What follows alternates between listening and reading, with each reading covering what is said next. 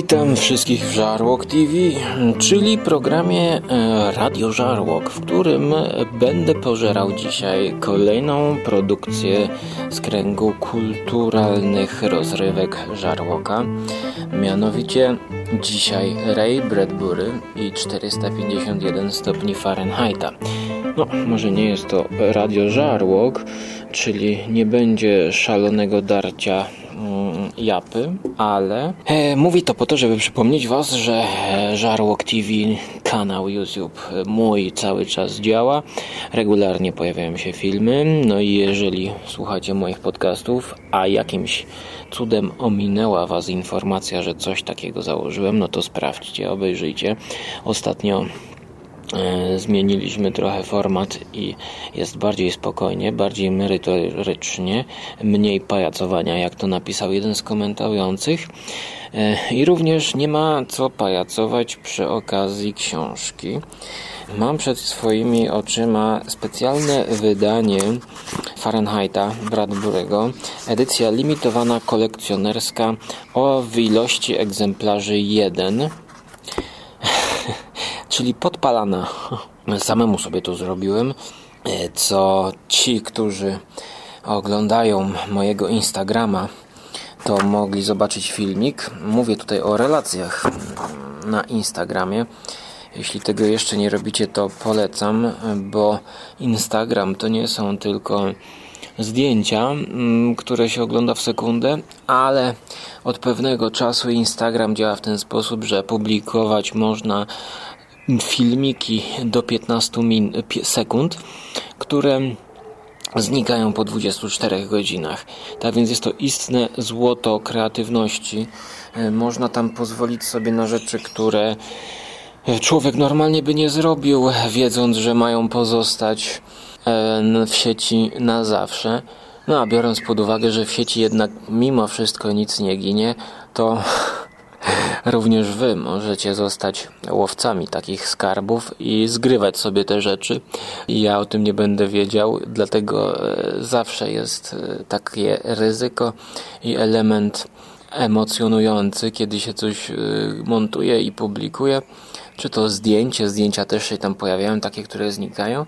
No i wśród tych materiałów opublikowałem właśnie jak podpalam książkę Raya Bradbury'ego w rytm muzyki elektronicznej takiego bodajże portugalskiego twórcy Arka, Arka, Arca. Bardzo ciekawa muzyka, współczesna, skomplikowana elektronika. No i popełniłem tylko jeden błąd. W tej relacji na Instagramie nie było nic niecenzuralnego, ale podpaliłem tę książkę, kiedy byłem w jej połowie i przez drugą połowę książki czułem swąd e, palonego papieru. Tak więc e, była to e, najlepsza, najbardziej realistyczna edycja, idąc w myśl zasady dostosowywania filmów, kultury do warunków, w jakich się żyje, no to ja tutaj nie dostosowałem warunków do książki, tylko książkę dostosowałem do warunków. Podpaliłem książkę, w związku z czym odór spalenizny E, przesiąkał nie tylko ze słów Reya Bradbury'ego, ale również z samego zapachu kartek. No i co teraz? Szachmat wyznawcy czytników. Szachmat. Takich wrażeń zapachowych, chyba że Google wypuści swojego Google Nosa, nie uzyskacie na żadnym czytniku. E, dobrze, musi być herbata, mm, bo pomimo, że jedziemy bez żadnego cięcia, bez żadnego montażu, bo inaczej nie byłoby to możliwe, bo montażu przy żarłoku mam aż nadto i dlatego ilość moich podcastów spadła. Między innymi dlatego. Mm, to mamy herbatę zieloną, cytrynową, aromatyzowaną. Mamy ptaki w tle, czyli przyroda. Przyroda w książce Reya Bradbury'ego prawie że nie występuje. Jest to utopijna wizja przyszłości, napisana w roku 1953. E, takie mam wydanie, dokładnie Solaris e, w twardej oprawie. E, wydanie to nie dość, że podpalone przeze mnie, to również wydaje się być podpalone przez projektanta tych kartek, bowiem każda kartka ma takie brzegi jakby podpalone. Jest to klimatycznie. Czy to się źle czyta? Nie powiedziałbym, to nie przeszkadza. Ciekawe wydanie w twardej okładce ze strażakiem mm, na grafice z przodu. 2008 rok. Dlaczego mówię o tych wszystkich szczegółach e, kalendarzowych? Otóż dlatego, że kupiłem tę książkę chyba w 2009 roku i czekałem, czekałem, zbierałem się 250 stron, przepraszam, nawet mniej, 200 stron plus posłowie i słowo od tłumaczki. Dosłownie 200 stron ma ta książka. W końcu e, w roku 2018 zdecydowałem, żeby ją przeczytać. A już jedną próbę jakieś 2-3 lata temu miałem i skończyłem na paru kartkach. E, dlatego teraz, że do kin, a właściwie do HBO wchodzi ekranizacja z Michaelem Shen, Shen, Shannonem, Shannonem, Michael Shannon, bardzo dobry aktor, a właściwie jeden z moich ulubionych aktorów. Kiedy zobaczyłem, że jego twarz będzie grała w ekranizacji, mm, no to pomyślałem, że trzeba się w końcu zabrać za tę klasykę science fiction i podejść merytorycznie do tematu. E, chociaż niestety nie z czystą kartą, bo wcześniej, jakieś może 10 lat temu, 8, obejrzałem e, pierwszą ekranizację tego, tej powieści, czyli e, w reżyserii Truffaut. Francisa Truffaut. E, Truffaut to jest taki reżyser francuski zaliczany do nowej fali e, kina francuskiego i europejskiego. Jest to kino autorskie. E, jednak oglądałem, e, oglądałem inne jego pozycje, nawet, nawet w tym na przełomie 2017-2018 roku oglądałem Francisa Truffaut dwie pozycje, w których bardzo inspirował się ponoć Hitchcockiem. Zresztą Hitchcock był dla niego mistrzem. E, to właśnie Francis Truffaut jest autorem wywiadu rzeki z Alfredem Hitchcockiem. Jednego y, z najbardziej znanych wywiadów, gdyż tutaj rozmawiał reżyser z reżyserem. E, oni się dobrze kumplowali podobno, albo może po tym wywiadzie się zakumplowali, tego już nie pamiętam. Mm, ta książka skrywa wiele różnych myśli Hitchcocka na temat kina, chociażby o tym sławnym McGuffinie. Teoria, czym jest McGuffin? Mm. Natomiast film mm, w reżyserii Francisa Truffaut, który jest ekranizacją, jest y, kinem gatunkowym całkowicie. Jest to science fiction z lat 60. Bardzo dobrze wspominam ten film, bardzo miło. Mm, kolorowy film, troszkę pocieszny, ale nie powiedziałbym o nim złego słowa. Mm, tym bardziej, kiedy przeczytałem tę powieść. E, jest to, Trifo zrobił prawie że jeden do jednego ekranizację tej powieści, e, choć po przeczytaniu ja bym powiedział, że to jest długa nowela, e, bo jak na powieść, to tutaj bohaterowie nie są e, zbytnio rozwinięci, mm, tylko właściwie główny bohater jest tak zarysowany e, i jego żona. Mm, I to jest, to, jest, to jest coś lżejszego. A jaka jest fabuła? No, trochę zwlekam z tym, bo wydaje mi się, że każdy już wie, że 451 stopni Fahrenheita to temperatura, w której zaczyna palić się papier. Nawet do dzisiaj nie przełożyłem tego na stopnie Celsjusza i ciekawi mnie ile to jest, no bo to chyba 100 stopni nie jest, nie? Bo 100 stopni to wrze woda, to jest coś powyżej 100 stopni. Ale 451 stopni Fahrenheita, no to lepiej brzmi. Jest to opowieść o świecie przyszłości, w którym e, wszelka kultura jest kontrolowana przez rząd. Ha i rząd oczywiście w pierwszej linii tępi książki. Dlaczego książki, a nie filmiki na YouTubie? No dlatego, że jest to książka napisana w latach 50., kiedy właśnie to słowo było głównie nośnikiem kultury, no i telewizja. I dlatego, no telewizję spalić za bardzo nie można, dlatego mm, książki są palone przez strażaków, a telewizja i wszystkie programy, jakie lecą w niej, są kontrolowane przez rząd w taki sposób, że to rząd nadaje. No tak jak dzisiaj mamy telewizję publiczną, to tam wszystkie kanały są nadawane po, przez rząd, tak by rząd nad tym trzyma e, opiekę, e, a właściwie trzyma za mordę i nadaje, można by powiedzieć, to co dzisiaj ludzie oglądają dobrowolnie bo jest e, ta kultura opisana e, w tej książce, chociaż to nie jest kultura. Jakby powiedział e, Marek Oramus, twórca posłowia do tejże książki, Oramus przywodzi tutaj na myśl taki neologizm, słowo wymyślone przez Stanisława Lema, czyli syntura. Połączenie kultury z mm, gdzie to jest? Syntura, syntetyczna kultura, czyli od syntetyku, czyli syntura, syntetyczna kultura. I to jest nadawane w tej telewizji rządowej. I to jest w dodatku tak nadawane, że każdy ma to podpięte udało się przewidzieć Bradburemu, to udało. Każdy ma to podpięte na, na ścianie w domu. Dzisiaj mamy plazmy, no wcześniej też były telewizory, ale dzisiaj tą kulturę czy synturę mamy w, w swoich rękach, w telefonach. No i jest to oddane bardziej masom. Każdy gimnazjalista może nagrywać taką synturę, a ta syntetyczna kultura, no to może ona tutaj nie jest dobrą nazwą dla gimnazjalisty, bo gimnazjalista rzeczywiście tworzy coś bardziej prawdziwego niż sztab ludzi, który, który, który to przeanalizuje i stworzy gotową papkę dla mas.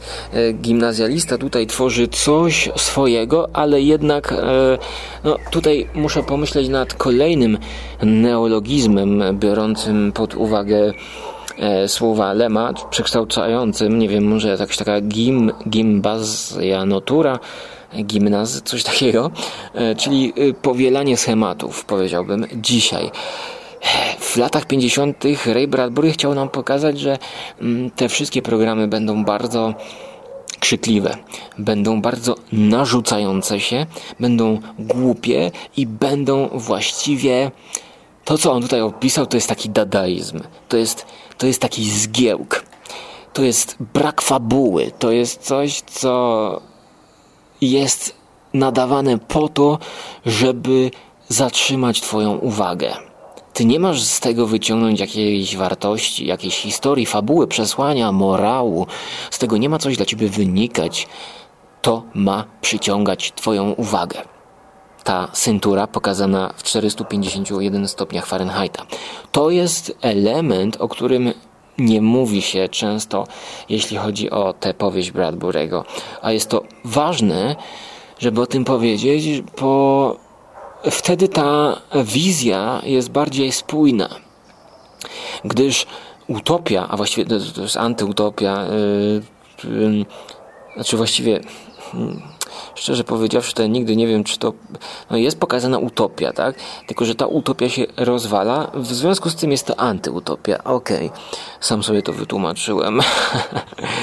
I tak też jest tutaj. Również jak w roku 1984 George'a Orwella mm, to się wszystko rozwala za sprawą głównego bohatera, który jest strażakiem i który jest wzywany codziennie do kolejnych e, spaleń.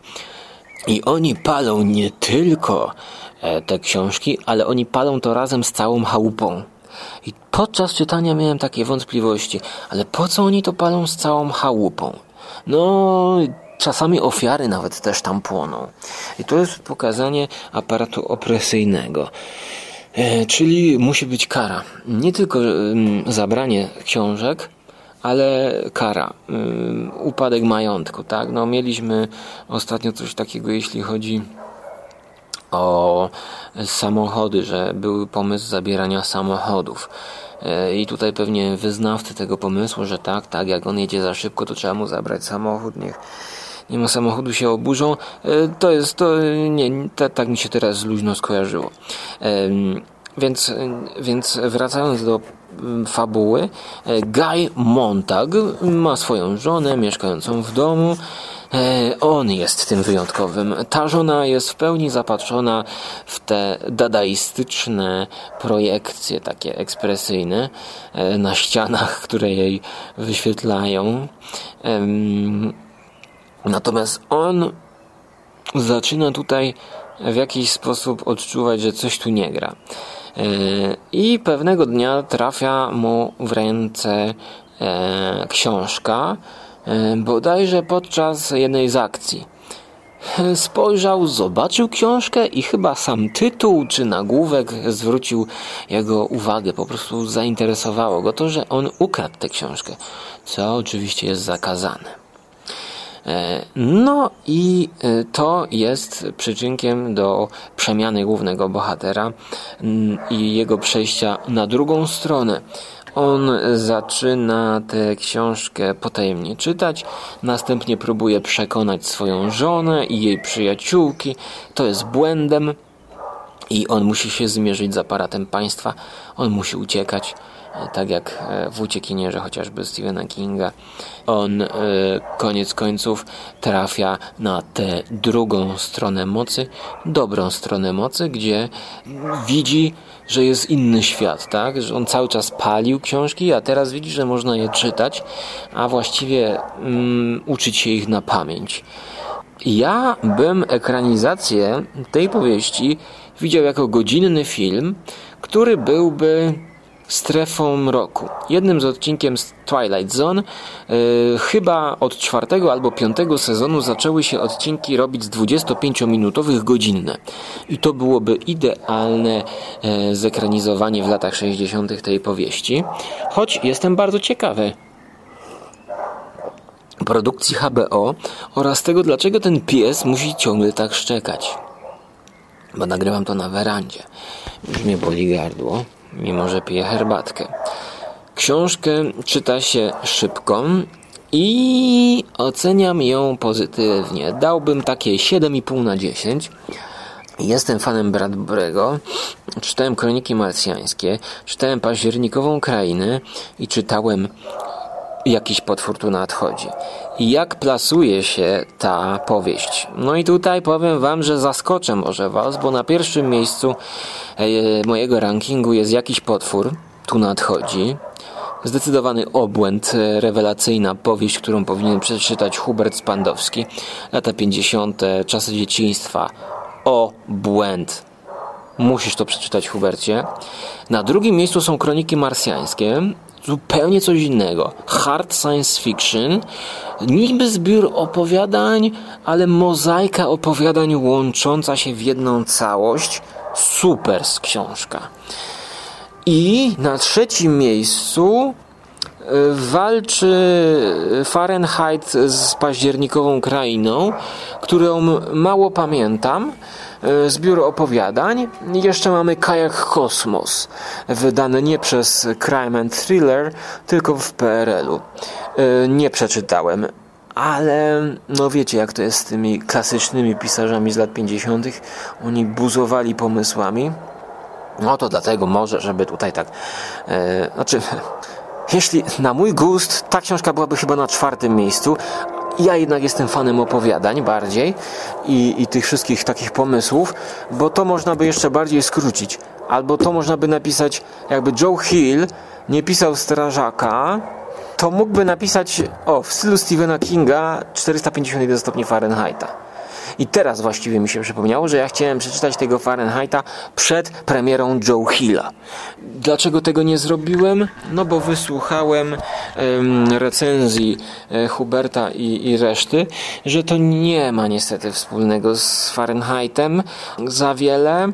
Mm, w dodatku raczej nie pozytywne recenzje e, oraz moje rozczarowanie Nosferatu mm, powiedziało dziękuję, skupię się na Fahrenheitie. Dlatego przeczytałem Fahrenheita i, i rzeczywiście jest to coś innego niż przedstawiali e, radio Stephen King i spółka. Dlatego czwarte miejsce na mojej liście, choć powiem, że pozycja do bólu klasyczna. I zdecydowanie jest tutaj wyczuwalny styl Reya Bradburego, który jest również widoczny zarówno w kronikach marsjańskich, jak i w jakiś potwór tu nadchodzi. Jaki to jest styl? On, ten styl nie jest tutaj tak mocno wgryziony, wpleciony w narrację, tak jak w potworze, gdyż ten styl określiłbym używanie metafor dwuznacznie. W taki sposób, że czytelnik nie jest w stanie odróżnić, czy to jest metafora, czy to jest prawda. Nie mamy granicy pokazanej w tym języku Reja Bradburego, zarówno również w kronikach marsjańskich, jak i jakiś potwór nadchodzi, czy to, co czytamy, to mamy odczytywać jako metaforę, czy dosłownie, czy to jest coś pomiędzy. I właściwie tak brylujemy, idziemy w lewo albo w prawo i w tej strefie mroku jesteśmy właściwie gdzieś pomiędzy i tam jest najwięcej sensu u Bradburego. I jak to się ma w ty, Fahrenheitie, no nie mogę, no nie mogę, bo facet normalnie będzie teraz piłował. Jak się to ma w Fahrenheitie? Otóż ten trik czy zabieg stylistyczny jest stosowany bardzo mm, powierzchownie, właściwie tylko po to, żeby pokazać, że Ray Bradbury potrafi się piórem posługiwać. Ale no, psie, uspokój się. Chodź tu, psie. Chodź tu. Kurcze blade. Pies normalnie mojego brata na mnie wyje. Tego jeszcze nie było. Normalnie zaraz zadzwonię po straż pożarną i go spalą na stosie. Chodź tu! No, no i ucieka pies. No, no widzicie. Jak tu można nagrywać audycję? To chociażbyś powiedział coś. Jak ci smakowała kość dzisiejsza o poranku? Pewnie, z, pewnie jak spalony podręcznik do szkolenia dla psów. Tak, bo ten pies nie chce się dać wytresować, czy wyszkolić, czy ułożyć, jak to mówią niektórzy. Ale wracając do Reja, mimo że on tych metafor używa bardzo rzadko, to nie mam zarzutów z tego powodu. Mm, pisarz skupia się tutaj na przekazaniu fabuły. Przepraszam, w niektórych momentach są tylko e, te metafory tak napisane, mm, żeby zwrócić na e, wagę jakiegoś momentu, jakiejś chwili, kiedy bohater przechodzi przemianę, czy spotyka jakąś postać, która mu pomaga, e, czy mówi coś ważnego, bądź kiedy właśnie coś dzieje się w jego umyśle, gdzie zaczyna postrzegać inaczej inaczej rzeczywistość. Dlatego pozycja do bólu klasyczna, wydaje mi się, że nie ma co o niej dyskutować.